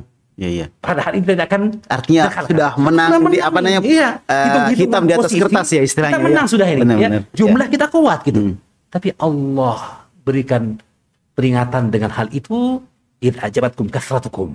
Ketika menakjubkan kalian banyaknya jumlah kalian. Kenapa? Mengingatkan untuk tawakal, tauhid tadi. Tauhid inilah dasar kebangkitan itu. Dasar kemuliaan itu adalah tauhid. Mengikuti jalannya para nabi dan rasul. Bukan jumlah banyak dan sedikit tadi. Sebanyak kita pun sekalipun. Penduduk Islam sekarang ini, kaum muslim sekarang ini, satu miliar lebih. Ya. Seluruh dunia. Iya. Seluruh dunia. Ini banyak kalau dihitung-hitungan seperti itu kan. Tapi sekali lagi, ya, kalaupun banyak dan semuanya pegang senjata, belum tentu kemenangan itu di tangan kaum muslimin jika tauhid mereka keropos. Jika tawakal mereka justru kepada adat, bukan kepada Allah Subhanahu wa taala dan ini telah diingatkan kepada para sahabat Nabi radhiyallahu alaihim ajmain. Ini menunjukkan kepada kita pentingnya pondasi tauhid tawakal kepada Allah Subhanahu wa taala. Meninggalkan jimat sekalipun. Ya orang mengatakan apa sih hubungan antara jimat dengan membebaskan Masjidil Aqsa? Eh, dengan kemenangan Iya, ya. dengan kemenangan itu. Padahal ini pokok. Bagaimana kita senantiasa mengingatkan hati kita kepada Allah Subhanahu wa taala dan bertawakal hanya kepadanya. Mengambil asbab kita pun lakukan itu tetapi tetap dengan bertawakal kepada Allah Subhanahu wa taala. Dan mengambil asbab bentuk dari tawakal kepada Allah Subhanahu wa taala Insya Allah. ya. Assalamualaikum Ustaz. Ini faedah yang luar biasa sekali dari guru kita Ustaz Ibnu Yunus Hafidahullah Ta'ala. Dan mungkin saya berpindah ke Ustaz Zulkarnain. Masya Allah. Mudah-mudahan Ustaz Zul masih kuat ini. Masih segar ya Ustaz ya. Ya. Eh, gini Ustaz. Ini tadi yang dijelaskan oleh Ustaz Ibnu Yunus bahwa salah satu eh, senjata kuat kita adalah tauhid sebagaimana antum menjelaskan juga tadi dan eh, berbagai hal yang berkaitan dengan bagaimana kita menjalankan syariat gitu kan. Nah, cuma ada opini Ustadz gini. eh, Kekalahan kaum muslimin di berbagai tempat termasuk juga di Palestina itu karena ketidakadaan eh, khilafah Ustadz. Nah, gimana ini Ustadz pandangan Ustadz ini? Katanya, wah ini kan nggak ada khilafah. Jadi makanya kita kalah terus. Coba kalau ada khilafah kita bisa menang gitu. Nah, gimana Ustadz? Dalam pandangan syariat berkaitan dengan eh, opini yang seperti itu. Ya jadi itu memang yang telah disinggung oleh apa Ustaz Ibnu tadi. Jadi kejadian Palestina ini itu jadi bahan tunggangan memang untuk banyak orang. Ya salah satunya yang biasa mendengungkan masalah itu dari kalangan Hizbut Tahrir, Ikhwanul Muslimin, dan sekarang Masya Allah lagi gencar-gencar bikin kajian-kajian masalah khilafah. Nah, jadi pintu masuknya sebelumnya sudah mungkin sudah turun, sudah nggak didengarkan, apalagi dilarang oleh pemerintah Indonesia. Akhirnya sekarang mulai bikin hal-hal yang seperti itu. Nah, itu pernyataan sebenarnya kedunguan mengatakan bahwa sebab kekalahan umat Islam karena tidak adanya khilafah. Khilafah itu apa? Mereka nggak paham makna khilafah. Orang-orang belajarnya tidak benar, tidak mengerti tentang makna khilafah. Khilafah itu itu di masa dahulu memang umat Islam itu hanya dipimpin oleh seorang kepala negara. Jadi khalifah Rasulullah yang pertama Abu Bakar. Beliau adalah kepala negara yang menggantikan Rasulullah Shallallahu Alaihi Wasallam. Makanya disebut khalifah. Khalifah yang kedua adalah Abu Bakar, kemudian Umar, uh, yang kedua Umar, kemudian Uthman, kemudian Ali. Ya. Kemudian berlanjut khilafah. Dan dimaklumi ketika masa uh, Muawiyah radhiyallahu taala anhu berakhir, setelah masa khilafah Muawiyah selama 30 tahun lebih, itu ada ada dua kepemimpinan setelahnya. Ada kepemimpinan anaknya Muawiyah, Yazid bin Muawiyah di Syam, dan ada kepemimpinan Abdullah bin Zubair untuk wilayah Mekah dan sekitarnya. Dan itu Syah sebagai kepemimpinan. Nah, ini tidak dipimpin oleh satu kepala negara. Tapi bersamaan dengan itu, dari setiap wilayah kepemimpinan itu dianggap Syah oleh seluruh sahabat yang masih hidup waktu itu dan para tabi'in. Karena itu Imam Syaukani, Syekh Muhammad bin Abdul Wahab itu telah menukil kesepakatan ulama. Bahwa ulama sepakat walaupun negeri-negeri itu negeri-negeri umat Islam yang sudah semakin luas pada setiap wilayahnya ada pemimpinnya masing-masing maka kepemimpinannya itu syah. Adalah kepemimpinan yang syah dan itu di dalam syariat kita sama kedudukannya dengan khilafah. Didengarkan, ditaati, itu adalah pemimpin yang jihad boleh ditegakkan di bawah benderanya, di bawah naungannya. Nah, itu yang dimaksud dengan kepemimpinan. Jadi kalau mengartikan sekarang ini pemimpin yang ada orang-orang Hizbut Tahrir pengennya ada khilafah sebab mereka tidak mengakui kepemimpinan yang ada saat ini. Itu sama dengan pemahaman Ikhwanul Muslimin yang didengung-dengungkan oleh Syed Kutub Hasan al-Banna. Tidak ada pemerintahan yang syah di atas muka bumi ini. Bahkan dia hitung ini adalah masa jahiliyah. Dari sebab itu mereka juga mengafirkan berbagai rakyat-rakyat masyarakat-masyarakat muslim karena dianggap tidak berhukum dengan hukum Allah. Jadi mereka tidak menganggap kepemimpinan kecuali satu saja. Iya, satu saja. Dan ini dari sudut pemikiran Ikhwanul Muslimin Hizbut Tahrir, subhanallah heran juga ya, coba antum perhatikan ya. Ustaz Abu Baidillah, Ustaz Ibnu Yunus. Dari sudut pemikiran sama dengan pemikirannya orang-orang Syiah. Orang-orang Syiah yang juga hanya mengakui kepemimpinan iman 12 mereka. Nah, itu yang benar. Yang lainnya tidak ada pemimpin. Pemimpin Iran yang sekarang ini pun itu bukan imam bagi mereka. Itu cuman pengganti dari imam. Wakil sementara. Imam 12-nya sudah hidup ratusan tahun yang lalu. Cuma bersembunyi di gua Sirdap. Sama di dalam ideologi kepemimpinan dan di dalam masalah berbagai kasus di Palestina juga bekerja sama antara Ikhwanul Muslimin dan orang-orang Syiah Rafidah di Iran. Ya, karena itu dari pernyataan sebagian tokoh-tokoh kita dari tokoh pemerintahan yang saya dengarkan, mereka katakan masyarakat Indonesia itu harus tahu bahwa di sana itu ada kejadian-kejadian yang mereka tidak mengerti Kejadian yang sangat aneh dan mereka tidak mengerti. Nah itu benar, hal-hal yang seperti itu harus dipahami. Karena itu tadi saya terangkan bahwa perkara-perkara itu ditimbang dengan timbangan syariat. Kita harus mengetahui hal-hal yang bisa menyebabkan umat Islam itu menjadi jaya, apa yang dengannya mereka bersatu, menjadi baik. Ya, dan hal-hal yang bisa membahayakan mereka, nah itu kita harus ingatkan agar supaya umat ini sadar meninggalkannya paling tidak berwaspada dari hal-hal yang seperti itu. Baik itu mungkin terkait dengan uh, masalah isu khilafah tadi, ketidakadaan khilafah. Barakallahu fiik. Assalamualaikum Ustaz. Ah, ini Ustaz Ibnu. Eh, ini akhir-akhir pertanyaan kita karena waktu kita sangat terbatas ya. Eh, apa kekejaman Yahudi kepada rakyat Palestina itu? Apakah memang harus dibalas dengan peperangan juga Ustaz secara apa namanya secara total gitu atau mungkin ada sudut pandang lain dari syariat kita artinya kan mereka menyerang kan apakah ya, ya. memang harus dibalas dengan peperangan juga atau gimana Ustaz? Ya ini tentunya perkara yang berkaitan dengan masalah uh, pembelaan diri ya. ya seorang boleh saja membela dirinya bahkan wajib baginya untuk membela diri dan jika dia terbunuh ketika membela diri maka dia mati syahid insyaallah taala. Iya iya. Man qatala duna mali fa huwa fisabilillah man qatala duna nafsi fa huwa fisabilillah iya. Kan tetapi yang apa yang berkaitan dengan masalah penyerangan? Yang jadi masalah penyerangan. Iya. Membuka front dalam keadaan kaum muslimin lemah. Jadi artinya front ini eh, dibuka oleh kaum muslimin sendiri? Iya Ah. Inilah yang dilihat oleh para ulama bahwa hmm. bukan waktunya untuk mewajah berhadapan, istilah, hmm. bukan untuk waktu untuk berhadapan dengan senjata. Hmm. Ya, kita harus mempersiapkan dua hal. Sebagai Allah SWT, wa idulahum mastata'tum min quwwah wa min ribatil khairi turhibuna bihi aduwallahi wa aduwakum.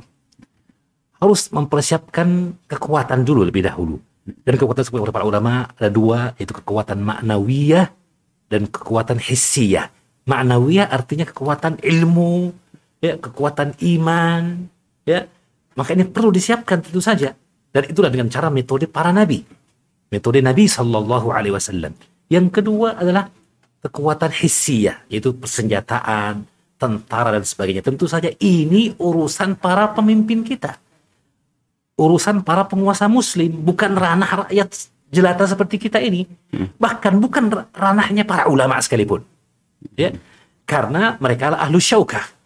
Mereka lah yang punya kekuatan ahlul mana'ah yang punya kemampuan pertahanan dan sebagainya. Ya. Maka kita ikut kepada mereka. Ya. Jadi itu yang perlu diperhatikan dalam hal ini. Maka menarik juga untuk diingatkan tatkala uh, bahwa tadi disebutkan uh, banyaknya orang yang mempergunakan uh, kesempatan tadi momen ya bahkan mengorbankan darah kaum muslimin menjadikannya sebagai bahan dagangan. Memancing di air keruh ya, ya. memancing di air keruh ya. Yang ini memberikan uh, pesan kepada kaum muslimin untuk berhati-hati dalam memberikan bantuan dalam hal ini bantuan dana hmm. ya.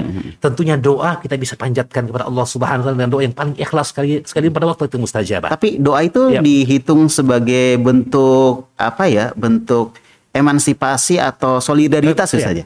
Solidaritas tentunya. Doa itu menjadi solidaritas. Ya. Kan kadang ada orang wah kalian nggak bantu cuma, Cuma doa, saja gitu. ya. Subhanallah. Doa silahul mukmin. Doa itu adalah senjatanya orang-orang beriman. Iya ya. iya iya. Bahkan begitu bahayanya doa itu sampai Nabi SAW mengingat- mengingatkan kepada sa- sahabat Mu'ad bin Jabal yang mengumpulkan zakat, Zakat. dari kaum muslimin mengatakan eh ittaqu. Hati-hati dari orang yang dizalimi. Fa innahu bainaha wa hijab. Karena doa orang yang dizalimi tidak ada penghalang antara doa itu dengan Allah Subhanahu wa taala. Dalam hadis yang lain disebutkan ittaqu da'watal mazlum walau kana kafira. Waspadalah dari doa orang yang dizalimi sekalipun dia kafir. Ya. Maka doa ini bahaya nih. Ya, Al-Hafidh dalam Fathul Bari menyebutkan hadis Aisyah radhiyallahu taala tentang seorang wanita budak yang asalnya milik seorang eh, milik orang kafir di sana. Kemudian ia hijrah ke Madinah, masuk Islam dan setiap kali duduk di Masjid Nabawi dia bersenandung dengan dendangnya yaumal wusyah min ta'ajibi rabbina inna min baldatil kufri anjani. Eh, hari selendang merah dari keajaiban Rob kami sesungguhnya Allah telah menyelamatkan aku dari negeri kafir Aisyah bertanya wahai sang uh, wanita mengapa kamu menerang dia menceritakan kejadiannya bagaimana dia dilolimi dalam keadaan dia kafir. Dia berjalan bersama anak majikannya dengan selendang merah yang penuh dengan perhiasan kemudian hilang dituduh dia pencurinya. Maka kemudian didalimi ia akan dibuka pakaiannya diperiksa kemaluannya dan lain sebagainya maka dia berdoa kepada Allah. Jika Allah menyelamatkan aku dari hal ini maka aku akan pergi meninggalkan kaumku ya dan mencari tempat yang lebih baik serta merta datanglah seekor burung Hudayyah menjatuhkan eh, selendang merah tersebut karena disangka daging begitu. Di tengah kaum tersebut terbebaslah dia dari tuduhan dan akhirnya dia pun hijrah ke masjid eh, ke, ke Madinah, Madinah. dan masuk Islam. Ya, ini menunjukkan doa orang kafir pun diterima ketika didolimi. Berarti sebenarnya Ya. doa kaum muslimin seluruh dunia ini doa dibutuhkan. muslimin. Hmm. Doa rakyat Palestina yang didolimi, doa Betul, mereka betul. dikabulkan dan kita pun terlibat dengan mereka dalam doa kita. Ini adalah perkara yang penting, ya, dan perkara yang eh, diingatkan pula oleh para ulama. Dan ini mungkin yang kadang luput dari perhatian kita. Tadi saya tadi oleh Ustaz Zul Hafizahullah Ta'ala bahwa maksiat di antara sebab ya terjadinya kezaliman, terjadinya kerusakan, kehancuran dan sebagainya. Ya, maka di antara arahan para ulama, para masyayikh kita dalam menghadapi dalam membela rakyat Palestina adalah dengan banyak berdoa kepada Allah, meminta ampunan dan taubat kepadanya atas apa yang ada pada diri kita di kesalahan, apa yang terjadi pada kaum muslimin dari kelalaian. Semoga dengan itu Allah akan mengangkat musibah, bencana, kezaliman, kenistaan dari umat Islam dari rakyat Palestina. Allahumma amin. Ya. Sisi ini yang kadang kurang Ya. dilihat Ustaz Kita ya. harus banyak istighfar juga, banyak berdoa kepada Allah, eh, meminta ampunan atas dosa-dosa kita. Boleh jadi disebabkan karena dosa yang terjadi dengan kita ini sendiri. Ingat, membebaskan Masjidil Aqsa dari tangan penjajah Yahudi adalah fardu kifayah. Ketika terjajah, maka yang berdosa seluruh umat Islam. Bukan hanya rakyat Palestina, umat Islam seluruhnya. Maka mari kita segera bertobat kepada Allah, mari kita beristighfar kepada Allah, dan kita memanjatkan doa yang tulus dan ikhlas. Semoga Allah mengangkat musibah dari rakyat Palestina, membebaskan mereka dari penjajahan Yahudi, memberikan kepada mereka hak-hak mereka di dunia dari keamanan dan hak mereka di akhirat kelak dalam kemuliaan di sisi Allah Subhanahu wa taala. Allahumma amin. Ini sebenarnya hakikat solidaritas. Ya gitu Ustaz ya. Mudah-mudahan. Masya Allah. Nah ini mungkin terakhir pertanyaan ke Ustazul. Masya Allah. Eh Ustadz, eh, apa? Ada sebagian orang mengatakan bahwa Palestina itu bukan urusan kita gitu. Jadi dia bukan urusan kita. Ngapain kita eh, bicarakan Palestina? Ngapain kita membela mereka gitu kan? Kita pikirkan aja Indonesia gitu. Nggak usah pikirkan Palestina. Ya gimana ini Ustadz? Mungkin ada tanggapan Ustadz berkaitan dengan masalah opini-opini seperti itu Ustadz. Ya Masya Allah. Itu dua wajah yang berbeda ya. Yang satu bilang peran total. Yang satu bilang kita tidak usah ada urusan dengan Palestina. Bukan urusan kita. Ini dua hal yang perlu diluruskan ya. Kalau bilang peran total. Pertama siapa yang mengajak peran total itu? Anda sebagai apa? Ya kita sebagai rakyat jelata itu tentunya nggak boleh. Sebagai ulama pun misalnya itu nggak boleh dia berbicara peran total. Peran total itu itu wewenang pemerintah. Karena itu disepakati di dalam buku-buku fikih salah satu syarat jihad syar'i jihad itu harus dipimpin oleh kepala negara. Ini jihad secara fisik ya harus dipimpin oleh kepala negara. Dalilnya karena tidak pernah diketahui ada sebuah jihad apa pun yang ditegakkan oleh Nabi kecuali dipimpin oleh Nabi Sallallahu Alaihi Wasallam. Dan para sahabat tidak pernah ada yang menegakkan sebuah perlawanan apa pun kecuali dengan izin dari Rasulullah Sallallahu Alaihi Wasallam sebagai kepala negara. Dan itu ditegaskan oleh Rasulullah Sallallahu Alaihi Wasallam dalam hadits Abu Hurairah di riwayat Bukhari dan Muslim. Ini selalu saya beri garis bawah ya dalam riwayat Bukhari dan Muslim. Ini maaf bukan hadis dari kantong saya. Kadang sebagian orang terlalu apa namanya mempertanyakan kok bisa jihad harus dibawa kepala negara, pimpinan kepala negara. Ini hadisnya riwayat Bukhari Muslim. Dimaklumi di kalangan orang-orang yang berilmu. Rasulullah SAW bersabda, "Innamal imamu junnah yuqatalu mi waraihi." Sungguhnya kepala negara itu adalah perisai. Dilakukan peperangan di belakangnya. Namanya perang, jihad, itu harus dipimpin oleh kepala negara. Kemudian jihad itu, itu disyaratkan harus ada kemampuan. Harus ada wilayah. Makanya ketika kaum muslimin berada di Mekah, mereka belum punya wilayah, tidak ada syariat jihad di situ. Dan sepakat para ulama sebagaimana yang dikatakan oleh Ibnu Hajar al-Asqalani bahwa jihad itu nanti disyariatkan di setelah Nabi hijrah ke Madinah. Itu pun syariatnya secara bertahap, ada empat tahapan. Nah langsung perang terbuka begitu, ada tahapannya. Iya. Dan ini dimaklumi, dimaklumi. Karena itu syariat ini ada maksud-maksudnya, ada keagungannya, ada hikmah dan rahasia-rahasia di dalamnya. Dan itu ditekuni oleh orang-orang yang berilmu. Makanya tidak boleh ada yang berbicara sembarangan, apalagi mengumumkan peran total. Ya, ini perlu digarisbawahi juga ya peran total misalnya sebagian orang, oh kita harus peran total, kita boykot produk-produk orang kafir. Ya, Anda sebagai apa memboikot? Memboikot produk itu itu bukan ranah orang per orang lagi. Itu ranah pemerintah. Sebab di situ ada hubungannya dengan masalah produk yang diperlukan oleh masyarakat secara umum, ada hubungan bilateral antara sebuah negara dengan negara yang lain, ada hubungan berbagai hukum-hukum fikih beredar di situ. Dan pemerintah diberi wewenang di situ. Karena itu di kaidah fikihnya al-imamu tasarruful imamu fir tasarruful imam fir ra'iyya manutun alal maslahah. Apa yang dilakukan oleh seorang pemimpin di tengah rakyatnya itu dibangun di atas kemaslahatan. Jadi ini sudut apa namanya? ya, satu sisi ya mengatakan peran total. Yang lainnya lagi mengatakan kita tidak perlu ikut campur dengan urusan Palestina dengan Israel. Ini juga tidak benar ya. Pertama itu menyelisihi dari ketegasan-ketegasan kepala negara kita dan pemerintah kita yang punya wewenang di dalam hal ini. Kemudian yang kedua, itu salah besar, maka tidak perlu diurusi. Itu artinya kalau dia berbicara dari sudut keamanan, ideologi negara, justru urusan ini kalau tidak diurusi oleh pemerintah, itu bisa memasukkan orang-orang yang membawa ideologi-ideologi yang menyimpang. Pemahaman-pemahaman radikalisme. Ikhwanul Muslimin bisa masuk di situ, Hizbut Tahrir bisa main di situ.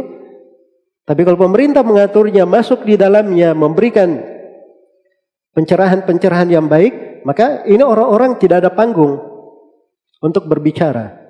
Sama di dalam penggalangan dana dan menyalurkan bantuan untuk saudara-saudara kita di Palestina. Ya.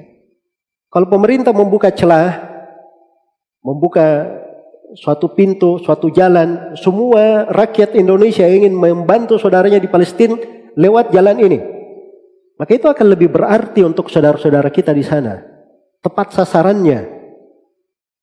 pada hal yang mereka perlukan. Nah, itu perlu ikut campur pemerintah di dalam hal tersebut. Dan ada hubungannya dengan orang Indonesia.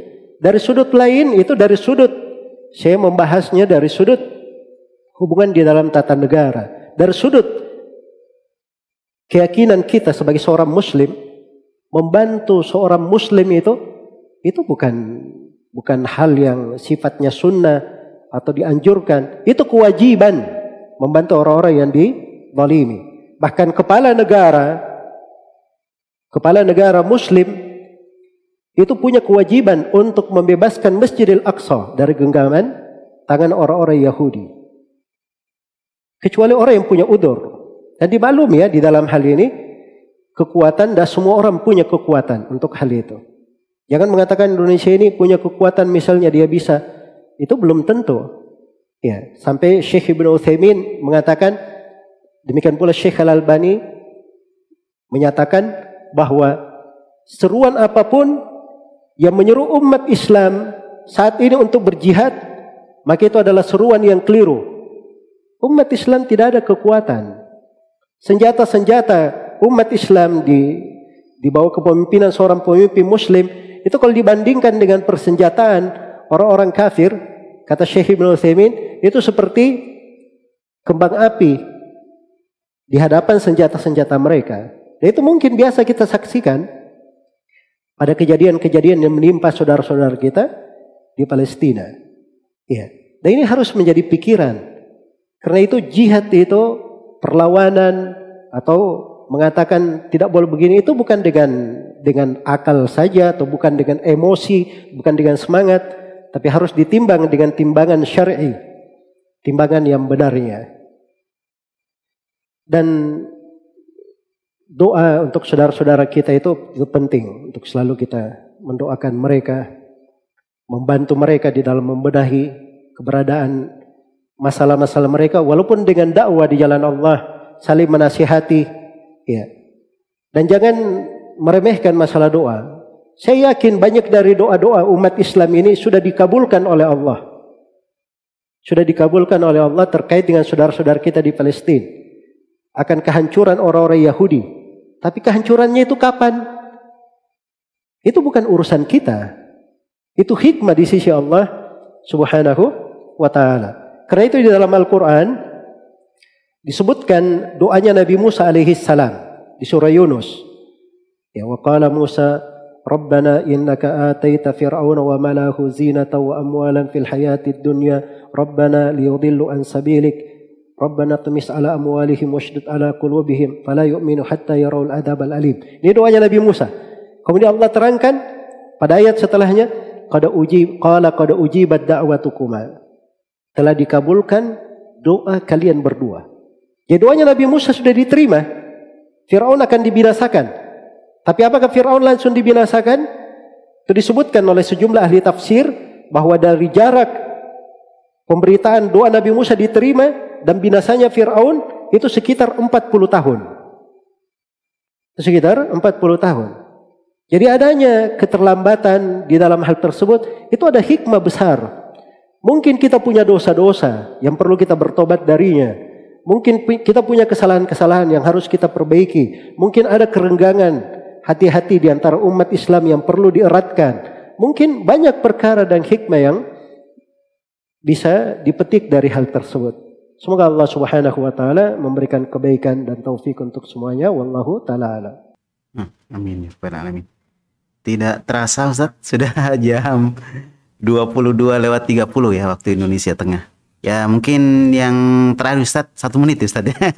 Ini untuk closing statement Ustadz. Eh, apa nasihat-nasihat eh, untuk pas Palestina secara khusus dan mungkin untuk eh, kaum muslimin eh, secara umum gitu.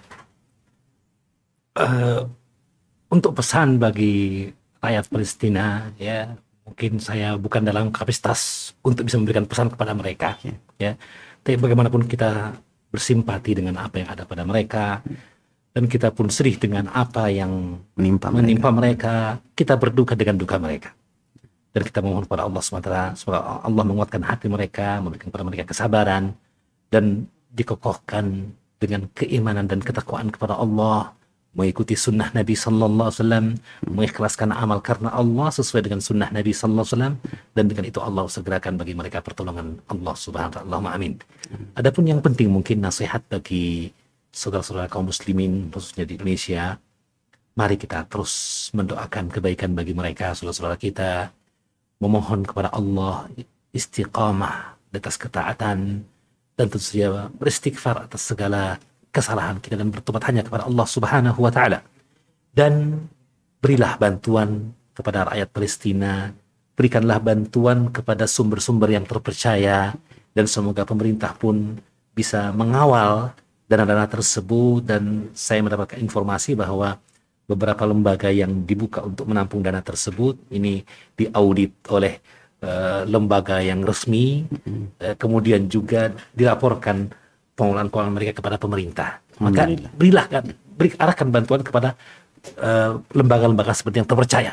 Ya, mm-hmm. jangan just, jangan sampai tentu saja kita justru membesarkan apa yang bisa menyebabkan kemungkaran bagi rakyat Palestina mm-hmm. dan tentu saja juga kita akan mengambil uh, memetik hasil dari perkara tersebut karena ketidaktahuan kita ya mm-hmm. dimanfaatkan apa simpati kita ke jalan yang keliru tentu saja.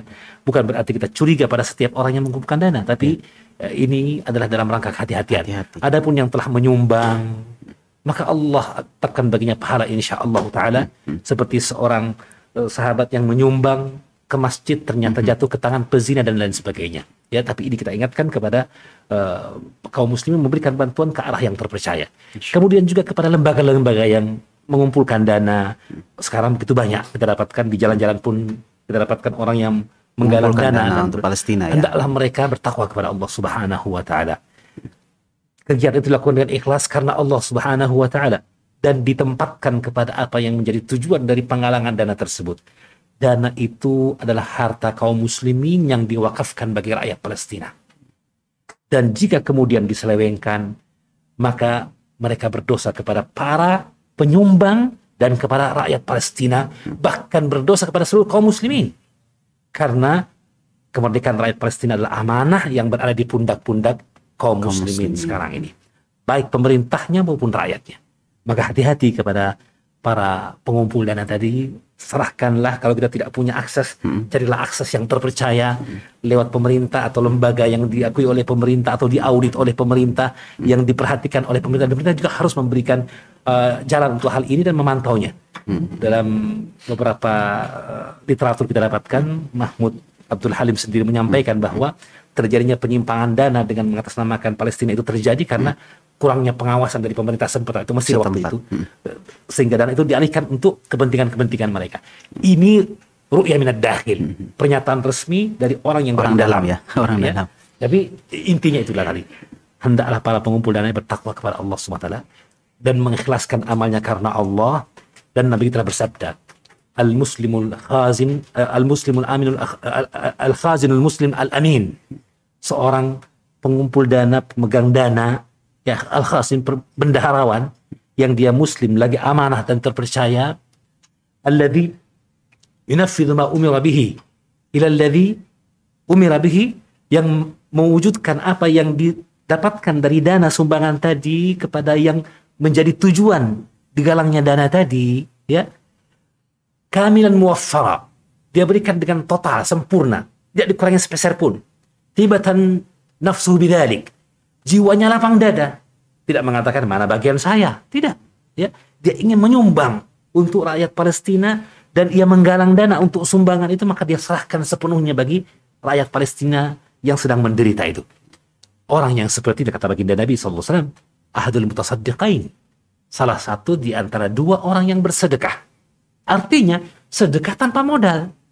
Ketika dia muslim, amanah, menunaikan apa yang diberikan kepadanya kepada yang berhak dengan penuh keikhlasan hati dan keridhaan jiwa tanpa mengurangi, tanpa dipotong.